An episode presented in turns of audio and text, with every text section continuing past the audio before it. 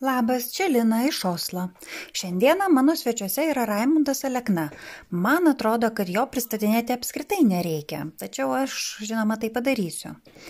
Raimundas Alekna yra psichiatras, psichoterapeutas, Ažuolino klinikos Vilniuje įkūrėjas, turi praktiką Osle, taip pat yra daugiakovės čempionas, buvęs Vilniaus meras ir buvęs Lietuvos sveikatos ministras.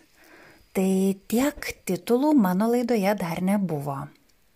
Ir visgi svarbiausia man yra tai, kad Raimondas Alekna dirba su be nesunkiausiai pasiduodančia sritim priklausomybėmis. Ir čia jisai turi jau labai daug patirties. Kviečiu klausyti.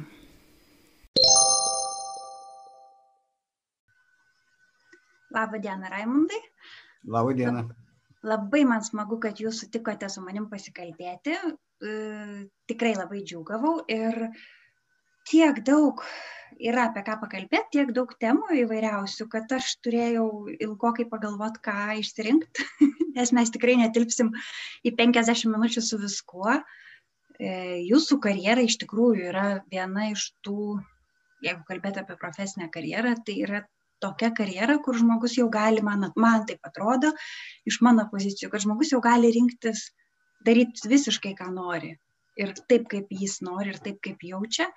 Ir jeigu nusprendžia, pavyzdžiui, perkelt savo e, veiklą į kitą šalį, kaip kad, tarkim, jūs padarėte, tai jis gali, tokio kalibro specialistas jau gali laisvai tai padaryti, nes bet kokiu atveju, kur be būdamas, jau žmogus duoda ir bet kuri, taip sakant, aplinka jį priims kaip e, vertingą ir leis, leis pasireikšti, pasireikšti, ar ne?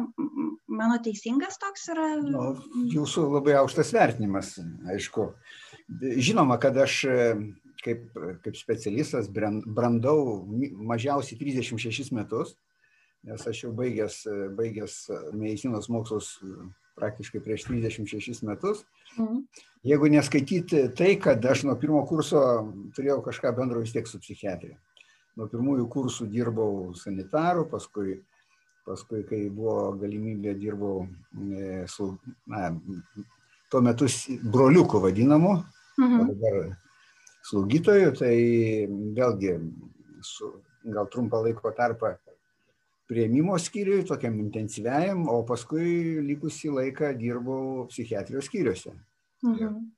Tai man tas darbas yra pažįstamas nuo, nuo iš pat šaknų, nuo betarpiško bendravimo e, su pacientais e, viso būdėjimo metu, kaip kad tenka, ten ar, ar slaugytojai esant, ar, ar e, slaugytojos padėjėjai. Ir aišku, nuo pat baigimo aš na, visą gyvenimą savo dirbau kaip psichiatras, vėliau kaip psichoterapeutas. Dar buvo vienas momentas, apie tris metus dėščiau studentam psichiatriją. Mhm. Paskui buvo kitas momentas irgi panašiai, gal, gal šiek tiek ilgiau e, dirbau kaip e, antrailėse pareigose medicinos mokykloje, tai dėščiau e, slaugytojam apie psichiatriją. Na, mhm. tai, tai ir, ir ta teorinė pusė buvo labai gerai e, paruošta, nes kiekvieną kartą ruoždamasis ypatingai studentam e, reikėdavo tai daryti atsakingai, nes jau buvo laikotarpis, kada e, na, Lietuva e, priemė nepriklausomybę ir tai jau atėjo visai kiti vėjai, kitos nuotaikos, e, nebebuvo to tokio dėstytojų baimės, studentai buvo visai e, žymiai laisvesni žmonės negu kad mano studijų metais ir jie mhm. galėdavo užduoti tokius klausimus, kur, kur nepasiruošęs ne, neatsakysi. Ir iš tikrųjų, na, psichiatrija buvo tokia sritis, kur daug subjektivumo buvo tuo metu. Nes mes puikiai žinom, kad tuo laiku daugiau viskas rėmėsi į tokią e, materialų pagrindą, biologinė psichiatrija buvo mhm. išpažįstama, o visa tai, kas susiję su psichologija, su, su psichoanalizė, su psichodinamika, buvo, na, skaitoma, kad čia yra kapitalistų išmislas ir čia daugiau kaip ideologinis maždaug vos ne instrumentas kvailinti žmonės. Mhm. Nes yra tikra tai, ką tu gali išmatuoti, pačiupinėti. Ir visą tą laiką buvo ieškoma kažkokio biologinio, genetinio pagrindo e, visom psichiniam lygom. Tai, mhm. Tai, tai iš tikrųjų buvo daug tokio, tokio, sakyčiau, kategoriškumo ir nepagristo jokiais, e, sakyčiau, moksliniais įrodymais. Tai būdavo galbūt netgi toks na, pažadas, kad na, po penkių, po dešimties metų mes tikrai surasime. Tai aš e, atsimenu vieno profesoriaus paskaitą klausydamasis, e, vienam kolegai pasakiau, kad sako, aš prieš dešimt metų girdėjau profesoriaus paskaitą, jis irgi sakė tuo metu, kad na, šizofrenijos geną surasim po penkių, nuo po dešimties metų, sakau, tas geno suradimas taip kaip horizontas, eini, eini, jis vis e, tuo pačiu atstumu, kaip sakant, Mhm. prieš mus. Miražas. Tai mir, kaip miražas. Tai, tai iš tikrųjų tas daug kas pasikeitė ir aišku, viskas pasikeitė Lietuvoje, tapus nepriklausoma valstybė, kuomet atsivėrė sienos ir, ir pas mus pradėjo, na, laisviau galėjo atvykti tie žmonės, kurie norėjo pasidalinti savo žiniomis Mhm. apie psichoterapiją. Ir tokiu būdu likimas mane suvedė su transakcinės analizės specialistais. Tai vat, Aha. Man Labai įdomi šitas rytis ir šita pakraipa, E, bet aš dar noriu grįžti šiek tiek prie psichiatrijos, nes e, net ir dabar, pavyzdžiui, daktaras Dainius Pūras sako, kad medicamentinio gydymo psichiatrijoje yra stipriai per daug ir kad Lietuva nepadarė tam tikrų nu, proveržio arba žingsnių link e, būtent gydymo žodžiu ir žmogaus, žmogiškų kontaktų, kas yra psichoterapija, ar ne? Tai vis dėlto tie mūsų, ta mūsų tradicinė psichiatrija, kokia buvo, jinai, jinai vis dėlto daug kur dar ir išliko tokia pati. Ir vis tiek psichiatras jisai gydo ir medikamentais, ar ne? Tai bet jūs, jeigu jau nuo pirmo kurso, jūs, tai čia iš tikrųjų labai įdomu, kad jūs jau nuo pirmo kurso žinojot, kad eisit į psichiatriją, būtent tas rytims jums buvo įdomi. Ir toj srity tikrai yra labai daug dalykų, kurie, galima sakyti, po klaustukų. Ir dar dabar, kodėl tai. Ir tie medikamentai, jie vienu metu įsigalėjo, bet Lietuvoje panašu, kad niekur ir nenuėjo, dar ypatingai nuo piedestalo. na, dėja, iš tikrųjų, tas biologinės pakraipos tradicijos Lietuvoje yra tikrai įsišaknyjusios labai giliai ir na, čia nemažai dalim galbūt dėl to, kad e, senosios kartos atstovai nedaug kas e, turėjo galimybę išmokti tokias kitas užsienio kalbas išskyrus rusų.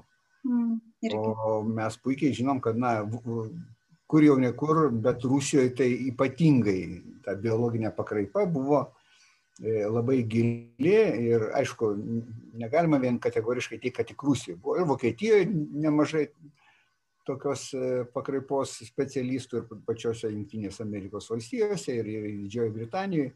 Netgi toje pačioje Norvegijoje yra žmonės, kurie iš tikrųjų yra kaip medikai, pozicionuoja save labiau kaip gydytojas, o, gy, o gydytojas vis tiek jisai turi remtis kažkokią tai biologinių labiau pagrindą. Tai, Mhm. tai aš manyčiau, kad na, Lietuvoje taip yra didelė dalis, kurie tiki vien tik tai vaistais, tačiau pokyčiai yra, gal netokie, kaip kad norėtųsi ar, ar profesoriui Dainiui Pūrui ar man, bet, bet jau vis daugiau ir daugiau jaunųjų psichiatrų mokosi kitas tokias kaip po psichodinaminės psichoterapijos e, kryptis ar, ar, ar kognityvinės elgesio Mhm. terapijos. e, Tai iš tikrųjų tas, tas teikia vilties, aš skatinu savo kolegas, jaunosius kolegus, su kuriais man tenka Lietuvoje susidurti, e, drąsiau taikyti tuos gydimo metodus. Ir iš tikrųjų, na, dėja, taip jau yra, kad na, vaistai yra pamėgti Lietuvoje ir, ir, ir e, renkasi dažniausiai, e, jeigu įmanoma, medicamentinį gydimą, nes jisai duoda kitą kartą tokį e, greitesnį, nors ir trumpalaikį efektą, bet greitesnį. Mhm. O turint omeny, kad na, tiek Lietuvoje, tiek Norvegijoje stacion, ypatingai stacionaro sąlygomis gydimas yra apribotas laikė, o vis tiek pacientas turi lūkesčius, kad kažko, kažkas turi pagerėti, tai žinoma, e, vaistai yra kitą kartą toks, na, ir iš paciento e, suvokiamas lūkestis, kurį mm. kažkuria prasme šiek tiek pataikaudami kolegos ir, ir skiria. Bet e, man taip galbūt likimas susi, susiklostė, kad, kad aš susidūriau su tokiais kolegom, ypatingai būdamas jaunas, jaunas specialistas, mhm. Jie turėjo šiek tiek kitokį požiūrį negu tie pagrindiniai autoritetai, E, pas kurios buvo galbūt na, kiti mano kolegos. Aš, aš gavau paskirimą į Panvežį ir Panevežyje labai šviesios atminties toks e, daktaras Vytautas Matulionis buvo, jis su, su tokiu savo labai, sakyčiau, išmintingu požiūriu ir jam nebuvo svetimas ir, ir supratimas e, apie psichoterapinės tam tikras metodikas, nors mm nors buvo su, sunku kažkur tai prisirankioti tokios informacijos, nes net ir tuo metu buvo, e, pavyzdžiui, Maskvoje tu galėjai gauti žinias, kaip gydyti medikamentais, tas biologinis, o tuometiniam Leningradė šio, šio laikiniam Sankt Peterburgė buvo jau šiek tiek, na, tokia susiformavusi, gal, gal sakyčiau, netgi neišformuota. Psichoterapijos mokykla. Tai e, tie, kuriem pavykdavo kažkokiais būdais susiorganizuoti stažuotės ar kursus e, Sankt Peterburgė, tuometiniam Leningradė, jie jau turėjo supratimo. Ir taip mhm. gavosi, kad panvėžį dirbo trys psichiatrai, kurie buvo labai populiarūs e, žmonių tarpe ir jie visi trys būtent išpažino tą visą psichoterapiją. Ir jų įtakoje aš pamačiau, kad iš tikro, na, medikamentai E, jokių būdų, jeigu jų duodi daugiau, kad jie veikia geriau, tai e, nusižiūrėdamas nuo kolego, aš jau supratau, kad gerokai gali geresnį efektą pasiekti gydinamas minimaliom dozėm. Mhm. Žmogus geriau jaučiasi. Ir tą aš taikiau ir vyščiau tą savo supratimą, savo sugebėjimą. E, toliau per visą savo, per savo gyvenimą, kiek aš dirbau kaip psichiatras, nes kaip kaip psichoterapeutas, tai aš jau praktiškai medikamentų ir nebeskiriu. Tai va, tai atvykus į Norvegiją, kada aš dirbau, mm, kai pradėjau dirbti Ahus e, universitetiniai ligoniniai, ten tų dvigubų diagnozių skyriuje, tam vadinamam rūpę stacionarė, mhm. Tai net gavau tokią mm, tarsi pravardę, kad psichiatras, kuris e, nutraukė vaistus, nes aš, nes ten ne, ne kuris paskiria, bet nes aš buvau šiek tiek kategoriškas toks galbūt e, irgi labai jau norintis padėti tiem žmonėm e, kaip nors susitvarkyti su savo, su savo tokiu priklausomybė nuo visokių vaistų, tame tarpe ir nuo, nuo, nuo skausmo, kurie net ir nesukelia priklausomybės. Tai, tai jie šiek tiek, na, kažkuria prasme buvo nusivylę, bet paskui jie jie pamatė, kad e, mano, mano tos intencijos jiems, jiems yra palankios, jiems, kaip sakant, į naudą ir, mhm. ir mes labai sėkmingai darbavomės. Tai iš tikrųjų mano uždavinys būdavo visuomet na, sukoreguoti tą gydimą, kokį, su kokiu jie ateina, nes e, taip jau nutinka ne tik Norvegijoje, bet ir Lietuvoje. Jeigu pacientas blaškosi per specialistus, tai kiekvienas specialistas na, taip perkeltinė prasme, jaučia pareigą pakoreguoti tą gydimą, dadėdamas papildomai dar kažkokį vaistą. Mm. Nepakeisdamas, tai ateidavo, ateina tiek ir Lietuvoje, tiek ir Norvegijoje ir dažnai žmonės su keletu tos pačios grupės vaistų, kas, na, iš principo yra, e, neturėtų tai būti, net ir, ir, ir tose konferencijose, kur biologinės psichiatrijos mokina, kad nu, reikia siekti monoterapijos. Be jokios abejonės dabar, kadangi yra didžiulė konkurencija tarp farmacinių kompanijų, jos tos vaistus propaguoja, tai, tai dabar jau randamas kažkoks negeras mano supratimų kompromisas, kai, kai leidžiama kombinuoti keletą ten tokių tos pačios grupės e, medikamentų su kažkokiu tai mistiniu e, tikslu, augmentacija vadinama. Aha. Bet e, aš laikausi tos, tos, to, to principo, kad iš tikrųjų kiek įmanoma kuo greičiau sukoreguoti, suderinti kažkokius tai ir, ir, ir pereiti prie vaistų išpalingo mažinimo, nes nu, vaistų nutraukimas jisai e, kai kuriais atvejais turi ir tokį na, biologinį, fizinį e, poveikį, mhm. bet daugeliu atveju ir psichologinį, nes žmogus, jeigu vartojas metų metais tos vaistus, jisai, jis labai atsargiai žiūri, ypatingai jeigu dar tas daktaras nėra labai jam gerai žinomas, nėra kažkoks autoritetas, tai, tai su tokiais pacientais reikia labai iš, iš, iš palengvo ir, ir tik tai tada, kai turi gerą jau ryšį su juo, kai pacientas pradeda pasitikėti. Mhm. O tam pasitikėjimui vis tik tai turi didžiulę įtaką mano to žinios transakcinė analizė. Nes transakcinė analizė, jinai remiasi keliais, keliais tokiais, sakyčiau, postulatais, kurie labai tokie bendražmogiški, kad vienas iš tokių, kad visi žmonės yra vienodai gimę geri, vienodai, su vienodom perspektyvom, tik tai tiek, kad, nu, priklausomai nuo to, kokioje tu aplinkoje augai ir vystėsi kaip asmenybė, tai dėl to skirtumai ir išiškėja. Tai mm. antras postulatas tai, kad visi žmonės, jeigu turi smegenys, kurios nėra sužalotos, jie turi galimybę mąstyti. Ir, ir tai, kaip sakant, tas mąstymas e, gali padėti priimti sprendimus šiai dienai, kurie gali labai skirtis nuo tų sprendimų, kuriuos e, mes, formuodamisi kaip asmenybės, e, priėmėm būdami vaikais. Mm. Nes, mhm. na, praktiškai visi psichologai sutinka su tuo, kad nu, pagrindas mums kaip asmenybėm padedamas iki 12 metų, o paskui tik tai jau E, jau tokios ne, nežymios detalės, korekcijos įvyksta. Mhm. Tai transakcinė analizė naudoja tokį terminą gyvenimo scenarijaus rašymas. Mhm. Mes pasirašom tą gyvenimo scenarijų remiantis e, trim sprendimais, tai apie save, apie kitus ir apie gyvenimą. Mhm. Ir išeinant iš tų pozicijų mes paskui na, e, kaip sakant, taikom, taikom tas išgyvenimo strategijas tam tikrose gyvenimo situacijose. Ir paprastai jos tos strategijos yra patikrintos jau iš vaikystės ir nelabai linkia jas keisti. Mhm. Bet vat, transakcinės analizės metodas jisai ir, ir kalba apie tai, kad mes nagrinėjom tą gyvenimo scenarijų, kad žmogus suprastų, kodėl jisai taip gyvena, kodėl jisai mhm. naudoja tokias išgyvenimo strategijas ir kaip jisai galėtų koreguoti, jeigu jisai nori. Nes čia vėl mhm. žmogaus apsisprendimas, laisva valia. Bet kalbama tik tai e, tuo atveju, jeigu žmogus e, na, turi, turi gebėjimą mąstyti, ta prasme, jo galvos smegenys nėra e, kaip nors pažįstos, o pažįstos tai kaip gali.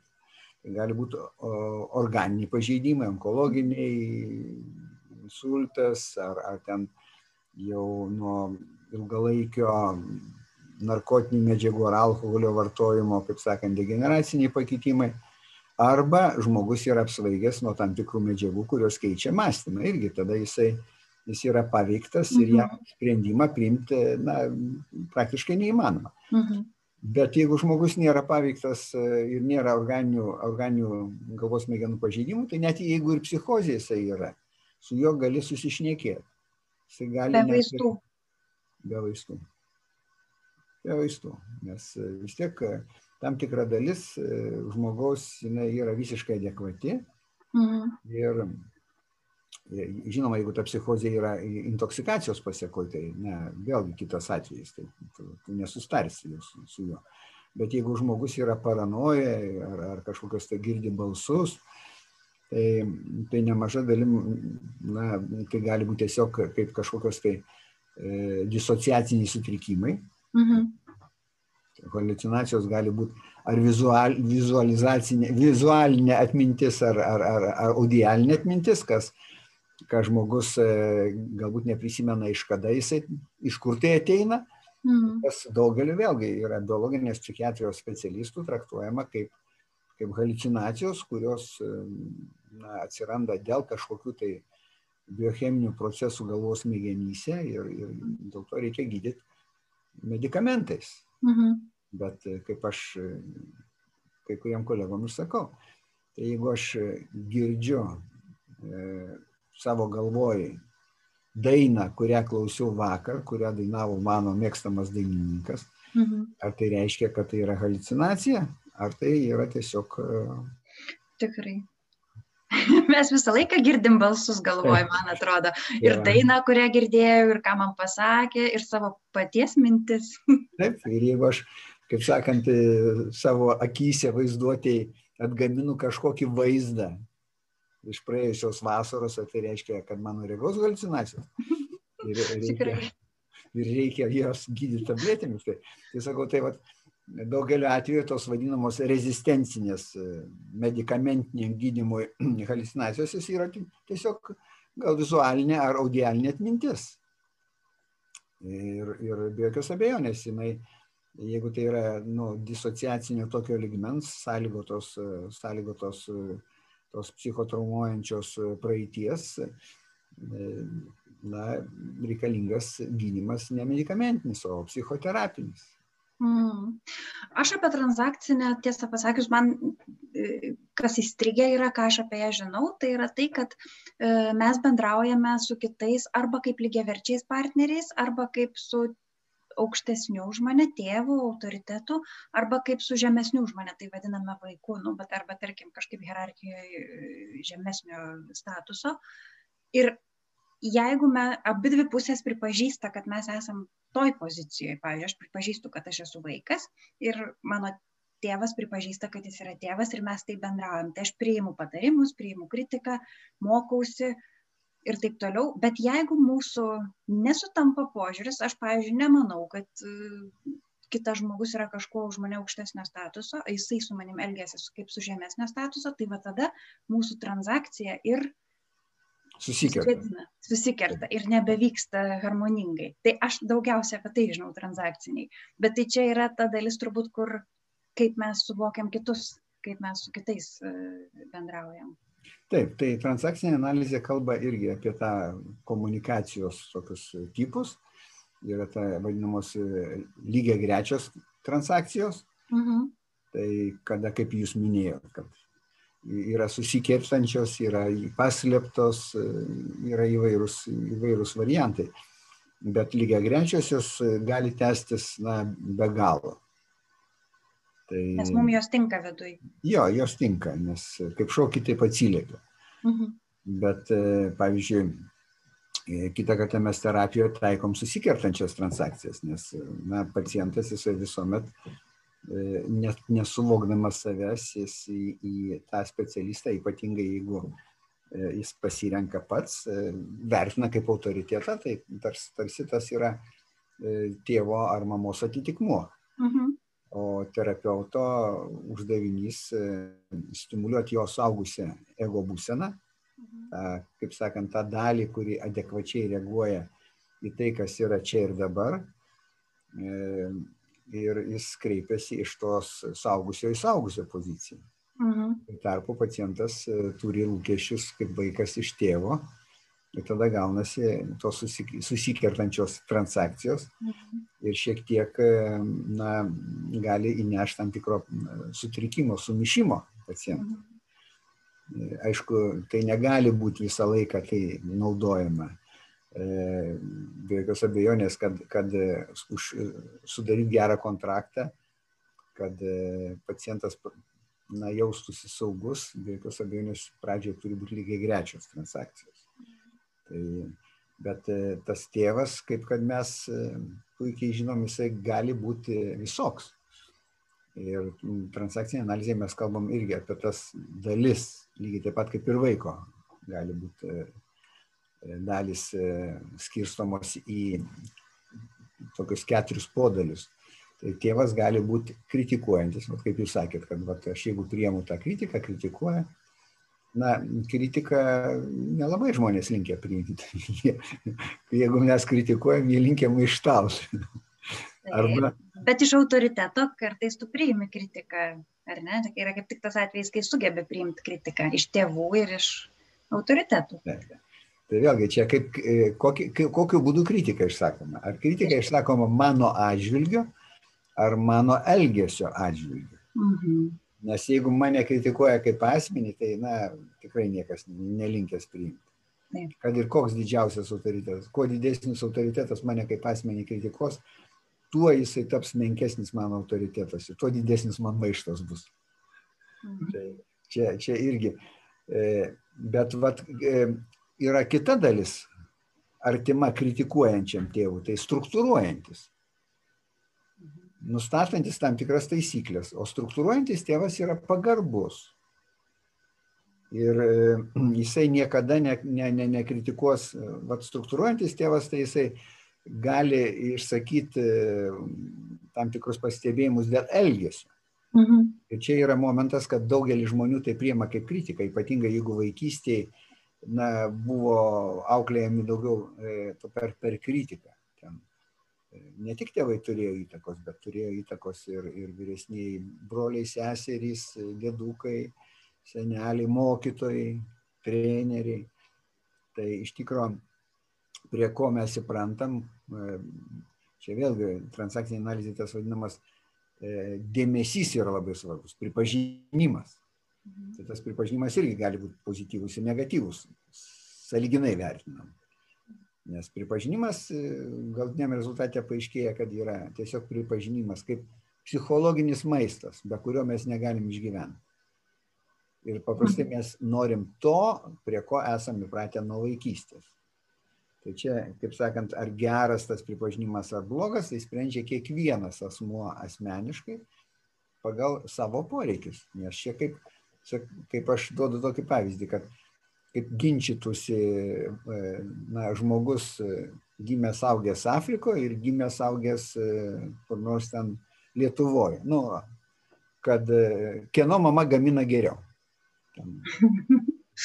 Nes tradicijos visai kitos ir bet kuris prisimena tą kažkokią mamos patiekalą kaip patį geriausią, patį skaniausią. Taip, ir gali iki, kaip sakant, iki nukritimo ginčytis, bet nu, neprieis tos nuomonės. Tai bet o kas tada yra blogas tas pripažinimas, negatyvus pripažinimas? Kaip galim negatyviai pripažinti? Čia yra vertinimas visuomenės, pavyzdžiui. Pavyzdžiui, kritika e, gali būti vertinama kaip e, negatyvus pripažinimas. Iš kur tai ateina? Nu, daleiskim ten, e, dabar yra, net ir dabar yra tokia diskusija tarp vyresnės kartos žmonių, kad Sako, nu tai, o ką, vaikus muštų, kodėl buvo blogai. Taigi, žiūrėk, kokie geri žmonės išaugo. E, ir, ir, ir dabartinė visuomenė to nesupranta.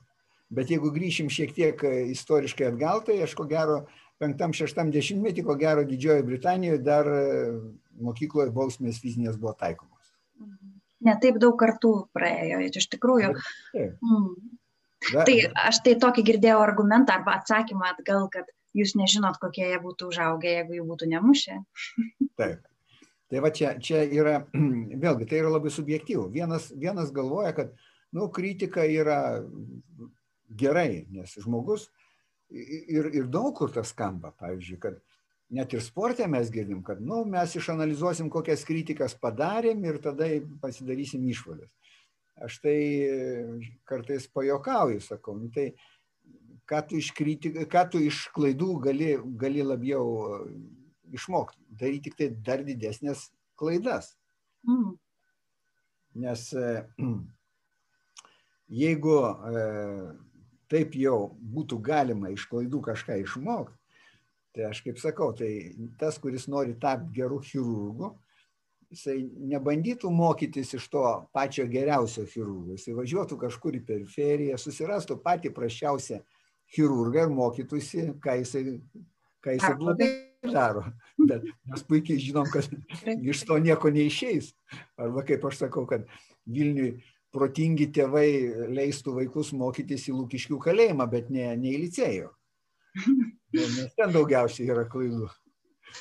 Tai, tai štai tai va tas, tas supratimas, kad nu, galima tik tai kažko išmokti, va, analizuojant klaidas ir visą kitą, daugiau gali gauti pripažinimo, prie ko tu esi įpratęs. Bet ir, ir realiam gyvenime tai galima tiesiog pastebėti, atkreipdėmėsi, kad vieni žmonės, pavyzdžiui, jeigu nori, kad, kad jis kažkiek pasikoreguotų savo darbę, nu, jam reikia išsakyti kažkokias pastabas, kurios skamba kaip kritika. Ir tada jisai, jis reaguoja labai normaliai, pasitaiso, o kitas priešingai sustingsta, jisai net, net nieko nebedaro. Mm. Tai aš netgi ir naudodavau tokį metodą, klausdavau, sakau, o į ką jūs geriau reaguojate, ar į kritiką, ar į pagirimą? Tai būdavo įvairūs atsakymai. Bet pastebėjau tai, kad e, vėlgi priklausomai iš kokios šeimos, iš kokios socialinės aplinkos ateina, koks įsilavinimas tėvų. Ir nuo to priklauso, ar jam reikalinga kritika, ar reikalingas tas toks pagirimas netgi ir priklausomai, ar tai yra vaikinas ar mergaitė. Tai, tai iš tikrųjų tas, tas pripažinimas mūsų gyvenime yra, labai yra svarbus. Taip, ir, taip, tikrai. ir mes puikiai žinom, kad, pavyzdžiui, tas pripažinimas toks, kuris pasireiškia galbūt per kažkokius netgi šiek tiek psichotraumuojančius dalykus, e, sunkia vaikystė, jisai turi įtakos e, vėlesniem pasiekimam. Nes jeigu mes pasižiūrėsim, pavyzdžiui, garsiuosius sportininkus, tai daugelio jų atveju mes rasim, kad iš tikro jų vaikystė buvo sudėtinga. Ar tai tėvai ten buvo šiek tiek tokie socialūs, ar, ar gerintis, ar dar kažkas. Tai. Ir tie sunkumai, tas, tas toks nuolatinis stresas padėjo jiem na, įgyti tokį atsparumą ir vėlesniam amžiui stresui, nes, mhm. nes sunkus darbas ar versle, ar sunkus darbas sporte, jisai reika, reikalauja išeiti iš komforto zonos. Mhm. Bet jeigu tu augai labai mylinčiai šeimoji, viskas buvo su, su, surikiuota pagal grafiką, tai bet koks stresas tau, tau yra nepriimtinas. Tai ne, nėra atsparumo tam stresui. Nėra atsparumo, tai akivaizdu, kad tas žmogus ir ieškosi savo profesijos ir, ir susiras tokį darbą. Ir, ir jį tenkins visiškai toks, sakyčiau, gal žemesnis vidutinis atlyginimas ir jis nedarys iš to problemos. Jisai, jisai mm. puikiai jausis, nes jisai bus įpratęs prie to. Tai, va, tai, tai tas pripažinimas yra labai svarbus. Bet grįžtant prie, prie tų pacientų, tai iš tikrųjų mes vėlgi turim e, dar tėviška dalis gali būti tokia, sakyčiau, globojanti, rūpestinga, bet gali būti ir pataikaujanti. Tai va, tėvas turi keturias dalis. Kritikuojanti, pataikaujanti, struktūruojanti ir tokį besirūpinantį. Mhm. Nuoširdžiai. Tai e, kritika, jinai visuomet provokuoja E, maištą arba tokį e, atlikimą, e, išpildymą to, ko iš jo reikalaujama, bet per tokį nu, sabotažinio atspalvį. Mhm. Kaip reikalauja, taip atidaro, padaro ir viskas. Mhm. Jeigu pataikaujama, tai provokuoja tokį, nu, sakyčiau, nebrandų elgesį, kaip aš sakau, kvaišą. Jeigu pataikaujama. Infantilumą, taip sakant. Infantilumą. Bet jeigu yra struktūra, tai struktūra pas e, vaiko ego būseną išprovokuoja, stimuliuoja, čia neprovokuoja, stimuliuoja e, bendradarbiavimą. O tas rūpestis, ta globa tokia, e, jinai sukuria tokį saugumo jausmą ir e, skatina kūrybiškumą. Tai va, štai yra tos e, siektinos kaip sakant, ego būsenų apraiškos, kad mes galėtume padėti žmogui šiek tiek koreguotis. Jeigu kalbam apie psichoterapiją ar, ar vaikų auklėjimą, ta, pedagogika gali būti, gali būti e, kitos kažkokios institucijos, kurios e, atsakingos, nes transakcinė analizė naudojama ir, ir policijoje, ir versle, ir mokymo švietimo sistemoje, ne tik tai ne tik tai yra kaip psichoterapinė priemonė. Tai štai, e, kada yra, yra tam tikra struktūra ir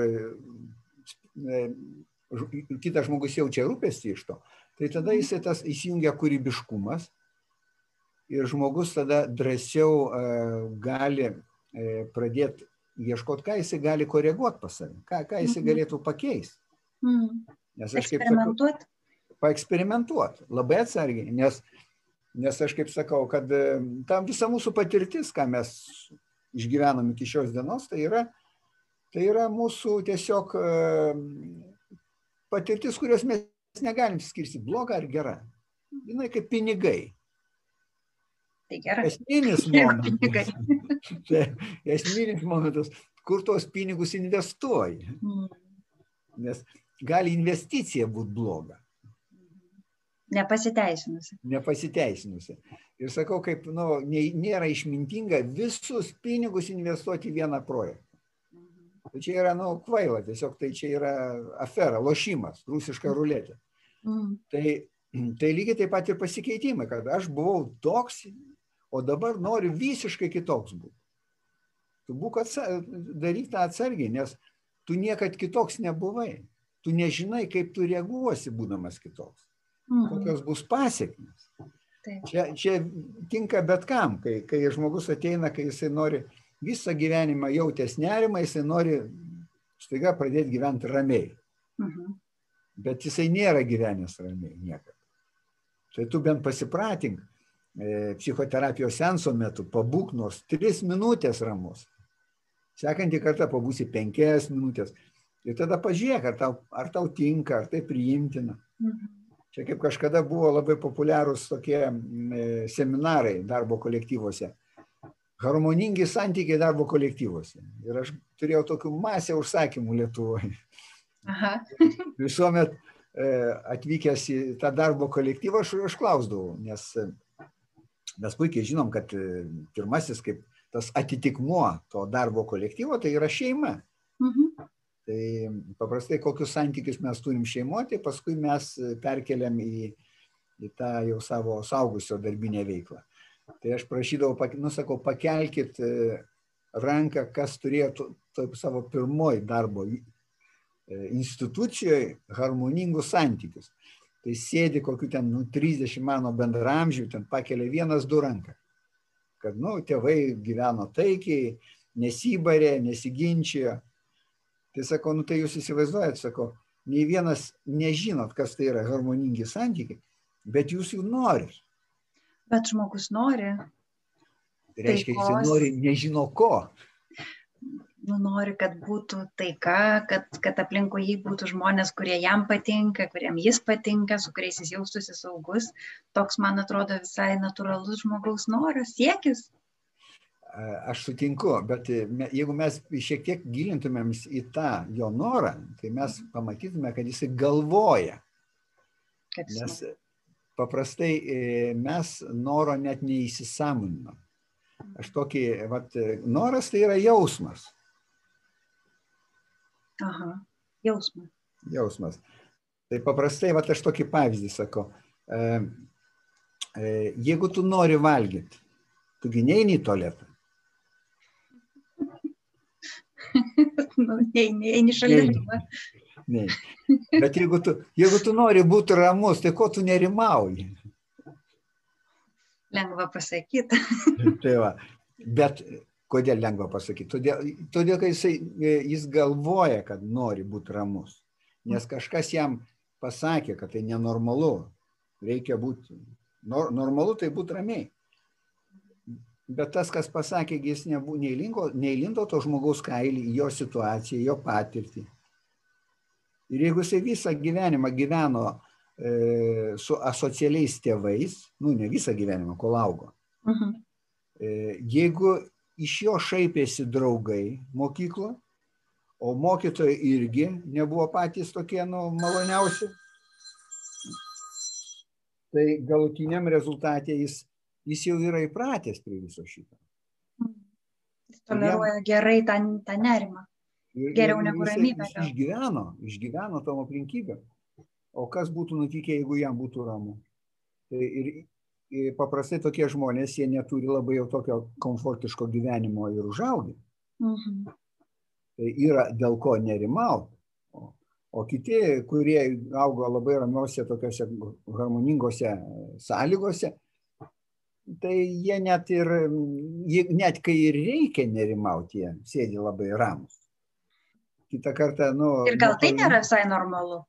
Tai irgi nėra normalu.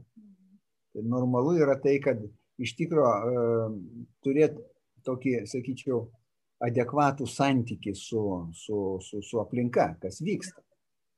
Tai čia jau tokios biski subtilesnės temos transakcinės analizės.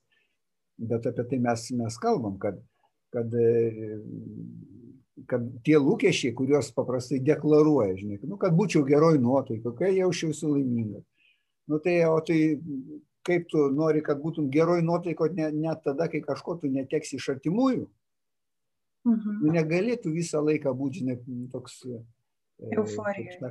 Su, su, su maniakiniai būsenai.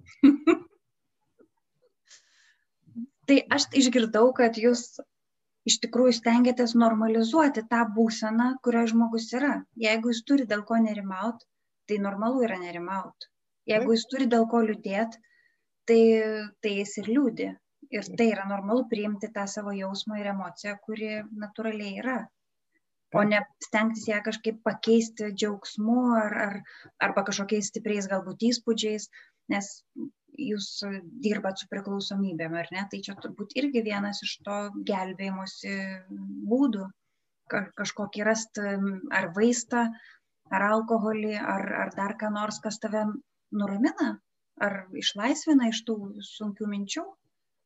Aš galvoju, kad dabar truputėlį jau e, pajudėsiu link tos emigrantų temos, nes mhm. aš manau, kad ta priklausomybių tematika, jinai pasidaro, man atrodo, labai labai aštri emigravus, nes žmogus maža to, kad jis turi savo priklausom, priklausomybių, kurios jam gadina gyvenimą. Tai jis dar atsiranda aplinkoj, kur ne visada yra draugiška, kur jam sunku, jam reikia labai daug adaptacinių įjungti mechanizmų ir tai pasidaro toks, man atrodo, labai labai sunku. Ką, ką Jūs manote apie tai, va, tas priklausomybės ir dar, ir dar emigracija? Taip, tai priklausomybės yra na, savotiška savygyda. Tai yra savęs, savimedikamentavimas. Ir atliktos yra studijos, kur nu, ne, na, tiesiog E, pastebėta, kad 85 procentai žmonių turinčių vienokio ar kitokio psichikos sutrikimų e, turi vienokią ar kitokią priklausomybės formą. Mm. E, mm. Praktiškai 85 procentai, skaitom, 85 procentai rūkančių žmonių turi rimtų psichologinių arba psichiatrinių problemų.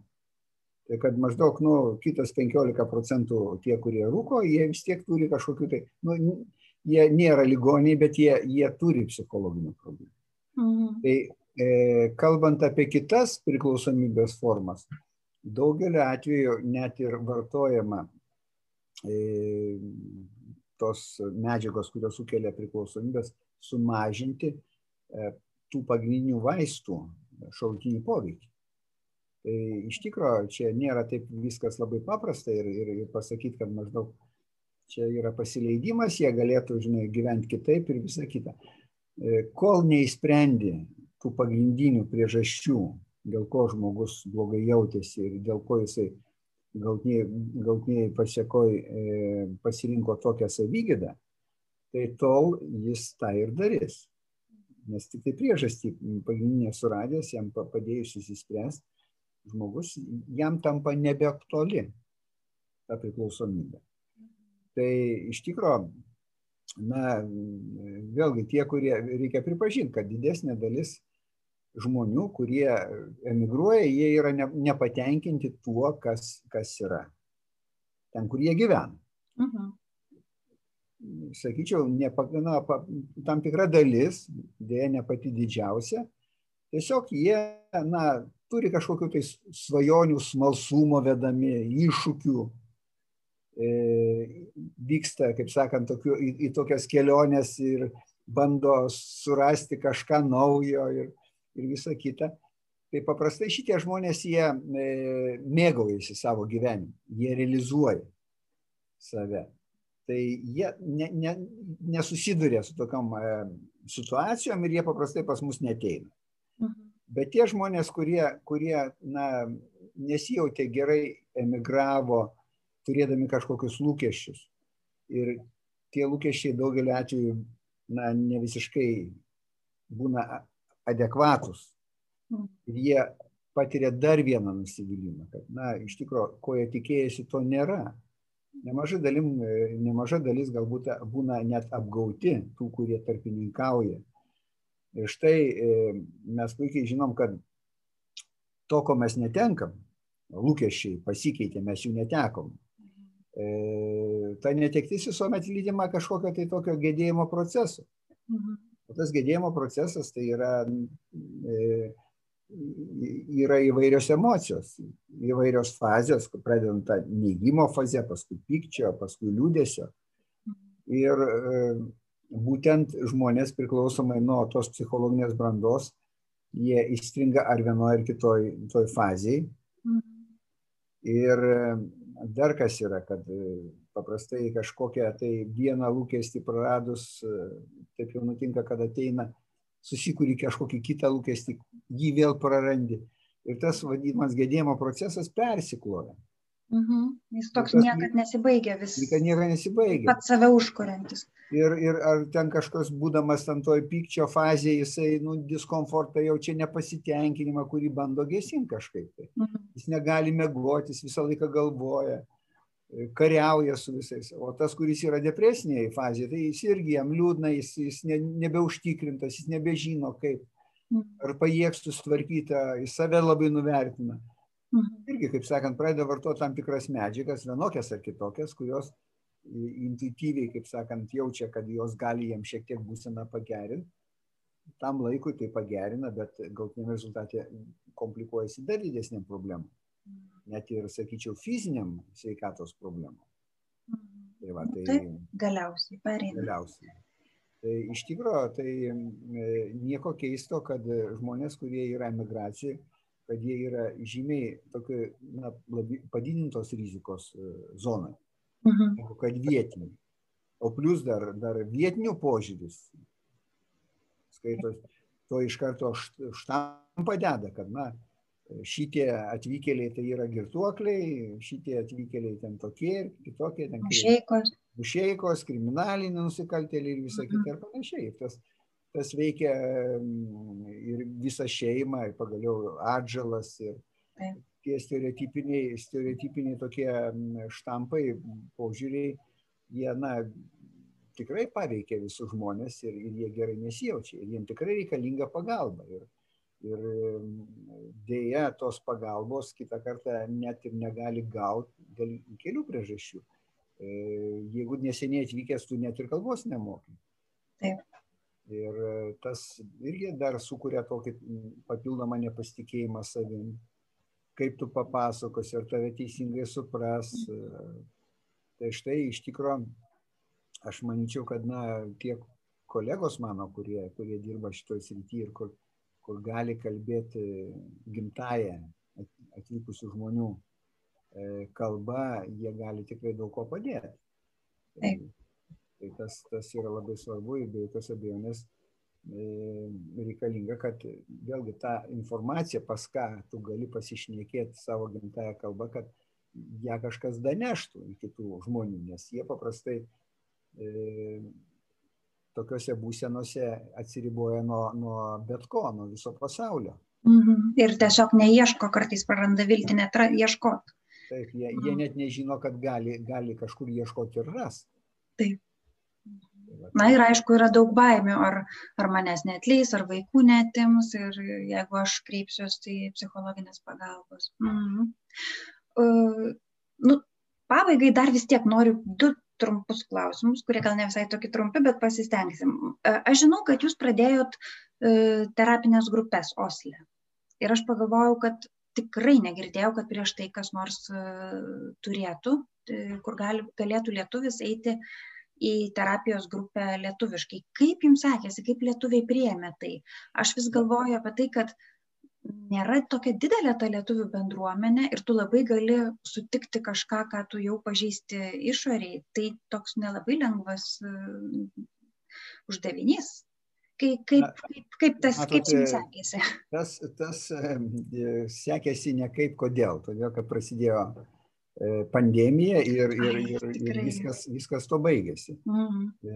Mes bandėm pasiūlyti variantą per, per grupės per Skype, bet, bet tai dar kaž, tas projektas yra labai šviežias ir sunku pasakyti, žmonės vis tiek mhm. jie linkia labiau betarpiškai e, susitikti, o dabar pagrindė visa, visa, visa, visa, visos konsultacijos yra persikėlusios į, į tą virtualią erdvę. Bet matyt lengviau, kai jeigu jau buvo ryšys su klientu, jau vyko terapija, tada ją perkelt į erdvę virtualią yra turbūt paprasčiau negu kad užmėgsti tą ryšį per ekraną su to stiklo pagalba. Ar ne stiklo, bet ekrano pagalba. Sunku pasakyti, nes nemaža dalis yra mano, šiuo metu, šiuo metu mano pacientų yra jau atėję tiesiai į virtualią erdvę. Mhm. Ir, na, vėlgi čia gal susiklostė tokia situacija, kad kai yra virtualiai erdvė, ne vien tik tai Norvegijos E, emigrantai kreipiasi. Aš turiu ir iš Pietų Afrikos, ir iš Australijos. Aišku, nes tada vis, iš vienos pusės mes esame apriboti, iš kitos pusės mes turim langą į visą pasaulį, galim nueiti kur norim. Tai čia, tai čia dvi pusės. Taip, tai aš, pavyzdžiui, irgi savo terapiją, kadangi studijuoju psichoterapiją, tai turiu pateikti irgi terapiją ir pradėjau virtualiai e, ir susipažinom tik virtualiai, nesu mačius gyvai, ir tai visai gerai veikia. Aš pati esu nustebus, kaip tai gerai veikia. Nežiūrint. Ir aš, aš net nebejoju, kodėl gerai veikia, nes vėlgi kaip e, pati psichoterapija, ypatingai jeigu mes kalbame apie transakcinę analizę, bet aš manyčiau, kad ne vien tik tai. Uh mhm. -huh. Kad galėtum žmogui padėti, jam e, reikia kažkiek tai tiesiog na, suteikti informacijos. Ir, ir na, aš manyčiau, kad pačioj pradžioje pats efektyviausias metodas yra na, tas vadinamas psichoedukacinis. Mhm. Kada tu žmogui paaiškinė plamai, kokiais e, principais e, remiantis mes formuojamės kaip asmenybė, kokie, kas sąlygoja, kad mes vienai par kitaip bendraujam, kad mes taip jaučiamės. Ir čia, na, sakyčiau, toj e, virtualioje erdvėje, kitą kartą, jeigu naudoja ne telefoną, bet kompiuterį, tai mhm. aš naudoju net ir skaidrės. Aš per skaidrės e, lengviau supranta žmogus tada e, schematiškai, ypatingai transakcinė analizė, kur naudojamas, kaip jūs jau minėjote, tėvo, vaiko, ego būsenos, ką aš minėjau, tas, tos tie padaliniai, kaip jie komunikuoja, arba ten e, žmogaus kaip asmenybės formavimosi etapai. E, Ta viską schematiškai paaiškinus žmogus kitą kartą, jeigu jis yra vizualas, mm. kas matyti viską, tai jam, jam žymiai, žymiai paprasčiau suprasti ir, ir, ir lengviau priimti. Mm -hmm.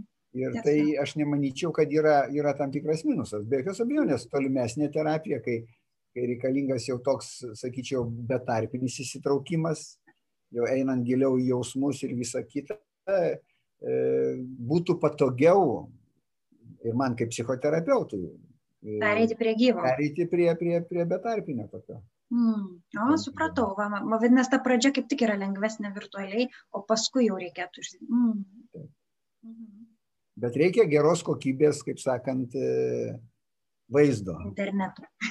Interneto. Geras internetas, taip sakant, akivaizdžiai Maslovo piramidė atsigulė papačią ir okay. užėmė tą vietą mirtinai. Mhm. Taip, tai aš tikrai daug klausimų matau ir jau jo apie juos nebepaklausiu, bet, bet iš tikrųjų labai labai daug sužinojau apie transakcinę psichoanalizę. Man labai įdomus tas metodas ir aš labai labai linkiu Oslo lietuviams ir galbūt ne tik Oslo lietuviams turėti grupę terapinę, nes aš galvoju, kad tai būtų super, super dalykas, kurio tikrai labai reikia. Ir pandemija galbūt sustabdė planus, bet gal vis tiek tai vyks, arba pandemija baigsis, arba, arba kokios virtualios priemonės patiks. Ir, ir aš kažkaip galvoju, kad žmonėms labai reikia, vad būtent toj grupiai pabūt, nes tai duoda visai kitą efektą. Dinamiką dinamika yra kita, kur tu ir kas il, per ilgesnį laiką tau suteiks kažkokių naujų kojų ir naujų sparnų, man taip atrodo. Tai aš labai linkėčiau Oslo lietuviams, o gal ir kitiem lietuviam, kurie jeigu virtualiai jungtųsi. Visiškai sutinku. Nes aš ir, ir anksčiau visada sakydavau, kad grupinė terapija jinai yra e, efektyvesnė negu individuali. Tikrai. O. Taip, taip. Ir, ir tie, kurie, kurie ryštasi į grupę, kurie nebijo, nebijo šiek tiek būti demaskuoti kažkuria prasme. Kitų, Visom prasmėm jie, gal net. Taip. Sakant, drąsesni visuomet gauna daugiau. Mm. Tai ir taip, tai čia žodžiu ir pačiam, ir kitiem, ir, ir man atrodo, tai yra tokia patirtis. Mes turėjom tokią savipagalbos grupę prieš, dabar galvoju, gal jau penketą kokį metų, kur susirinkdavom pakalbėti įvairiom temom, tokiom mamiškom. Tai ta grupė, nežiūrint to, kad dabar jau, jau ilgokai nebėra, bet vis dar tos mamos susiskambina ir, ir viena kitą paklibina, kaip tu gyveni, kaip tau sekasi, kažkoks atsirado bendrumas ir parama vienas kitam labai labai stipri. Tai ir terapeuto, aišku, darbas, bet ir tarpusavio yra ryšiai, kurie sustiprina labai stipriai. Ir aš manau, to emigracijoje trūksta mums visiems, daugiau ar mažiau. Tai, va. tai aš suprantu, kad jūs tarp, tarp Lietuvos ir Norvegijos vieną koją ten, kitą šiandien labai jaučiatės gerai, net ir dabar pandemijoje Taip, e, nu, čia nepaslaptis, aš Lietuvoje esu įsteigęs Ažolino kliniką, tai yra gerai žinoma. Daug, jau daugiau negu dešimt metų veikianti, veikianti mm. klinika ir, ir kitą kartą net rekomenduoju čia Norvegijoje dirbančius lietuvius, nes nu, vis tiek, jeigu jeigu į Ažulino kliniką, jeigu esi draustas Lietuvoje, gali, gali gydytis nemokamai, kitu atveju, nu, jeigu ligonių kasos nedengia, tai arba reikia, kad kažkas draudimas e, dengtų, arba patys. Mm. Bet, bet iš tikrųjų turim jau mes tam tikras tradicijas, kokias, e, kurias na, pacientai e, vertina. Ir iš tikrųjų aš manau, kad e, yra perspektyva yra perspektyva ir, ir nors aš esu šalininkas vis tiek to vadinamo ambulatorinio gydymo, nestacionarinio. Tai, tai ir, ir tokiu atveju tie, kurie žmonės gydosi stacionare, mes stabilizuojam tą būseną ir visiems jiem rekomenduojam tęsti ambulatoriškai. Mhm. Tai mano, mano patirtis nuo, nuo senų laikų, kai aš dar buvau Panvežio psichosomatinio skyriaus vedėjas, kur mes ten daug taikėm psichoterapijos ir buvo dieninės, dieninio stacionaro ten e, poskiris ir, ir pacientai lankydavosi po išsirašymo. Tikrai turėjom labai gerus rezultatus su, mm. su, su daugeliu, daugelis pacientų daugelį metų sirgė, jie pasveiko. Ir pasveiko netgi tokie, kur aš buvau mokytas dar senais laikais, kad jie negali pasveikti.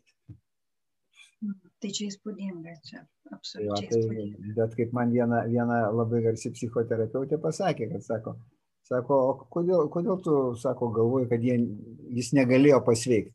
Mhm. Sako, knygos rašo taip. Tai jinai man sako, e, sako, ne tas knygas skaitai. Teisingai.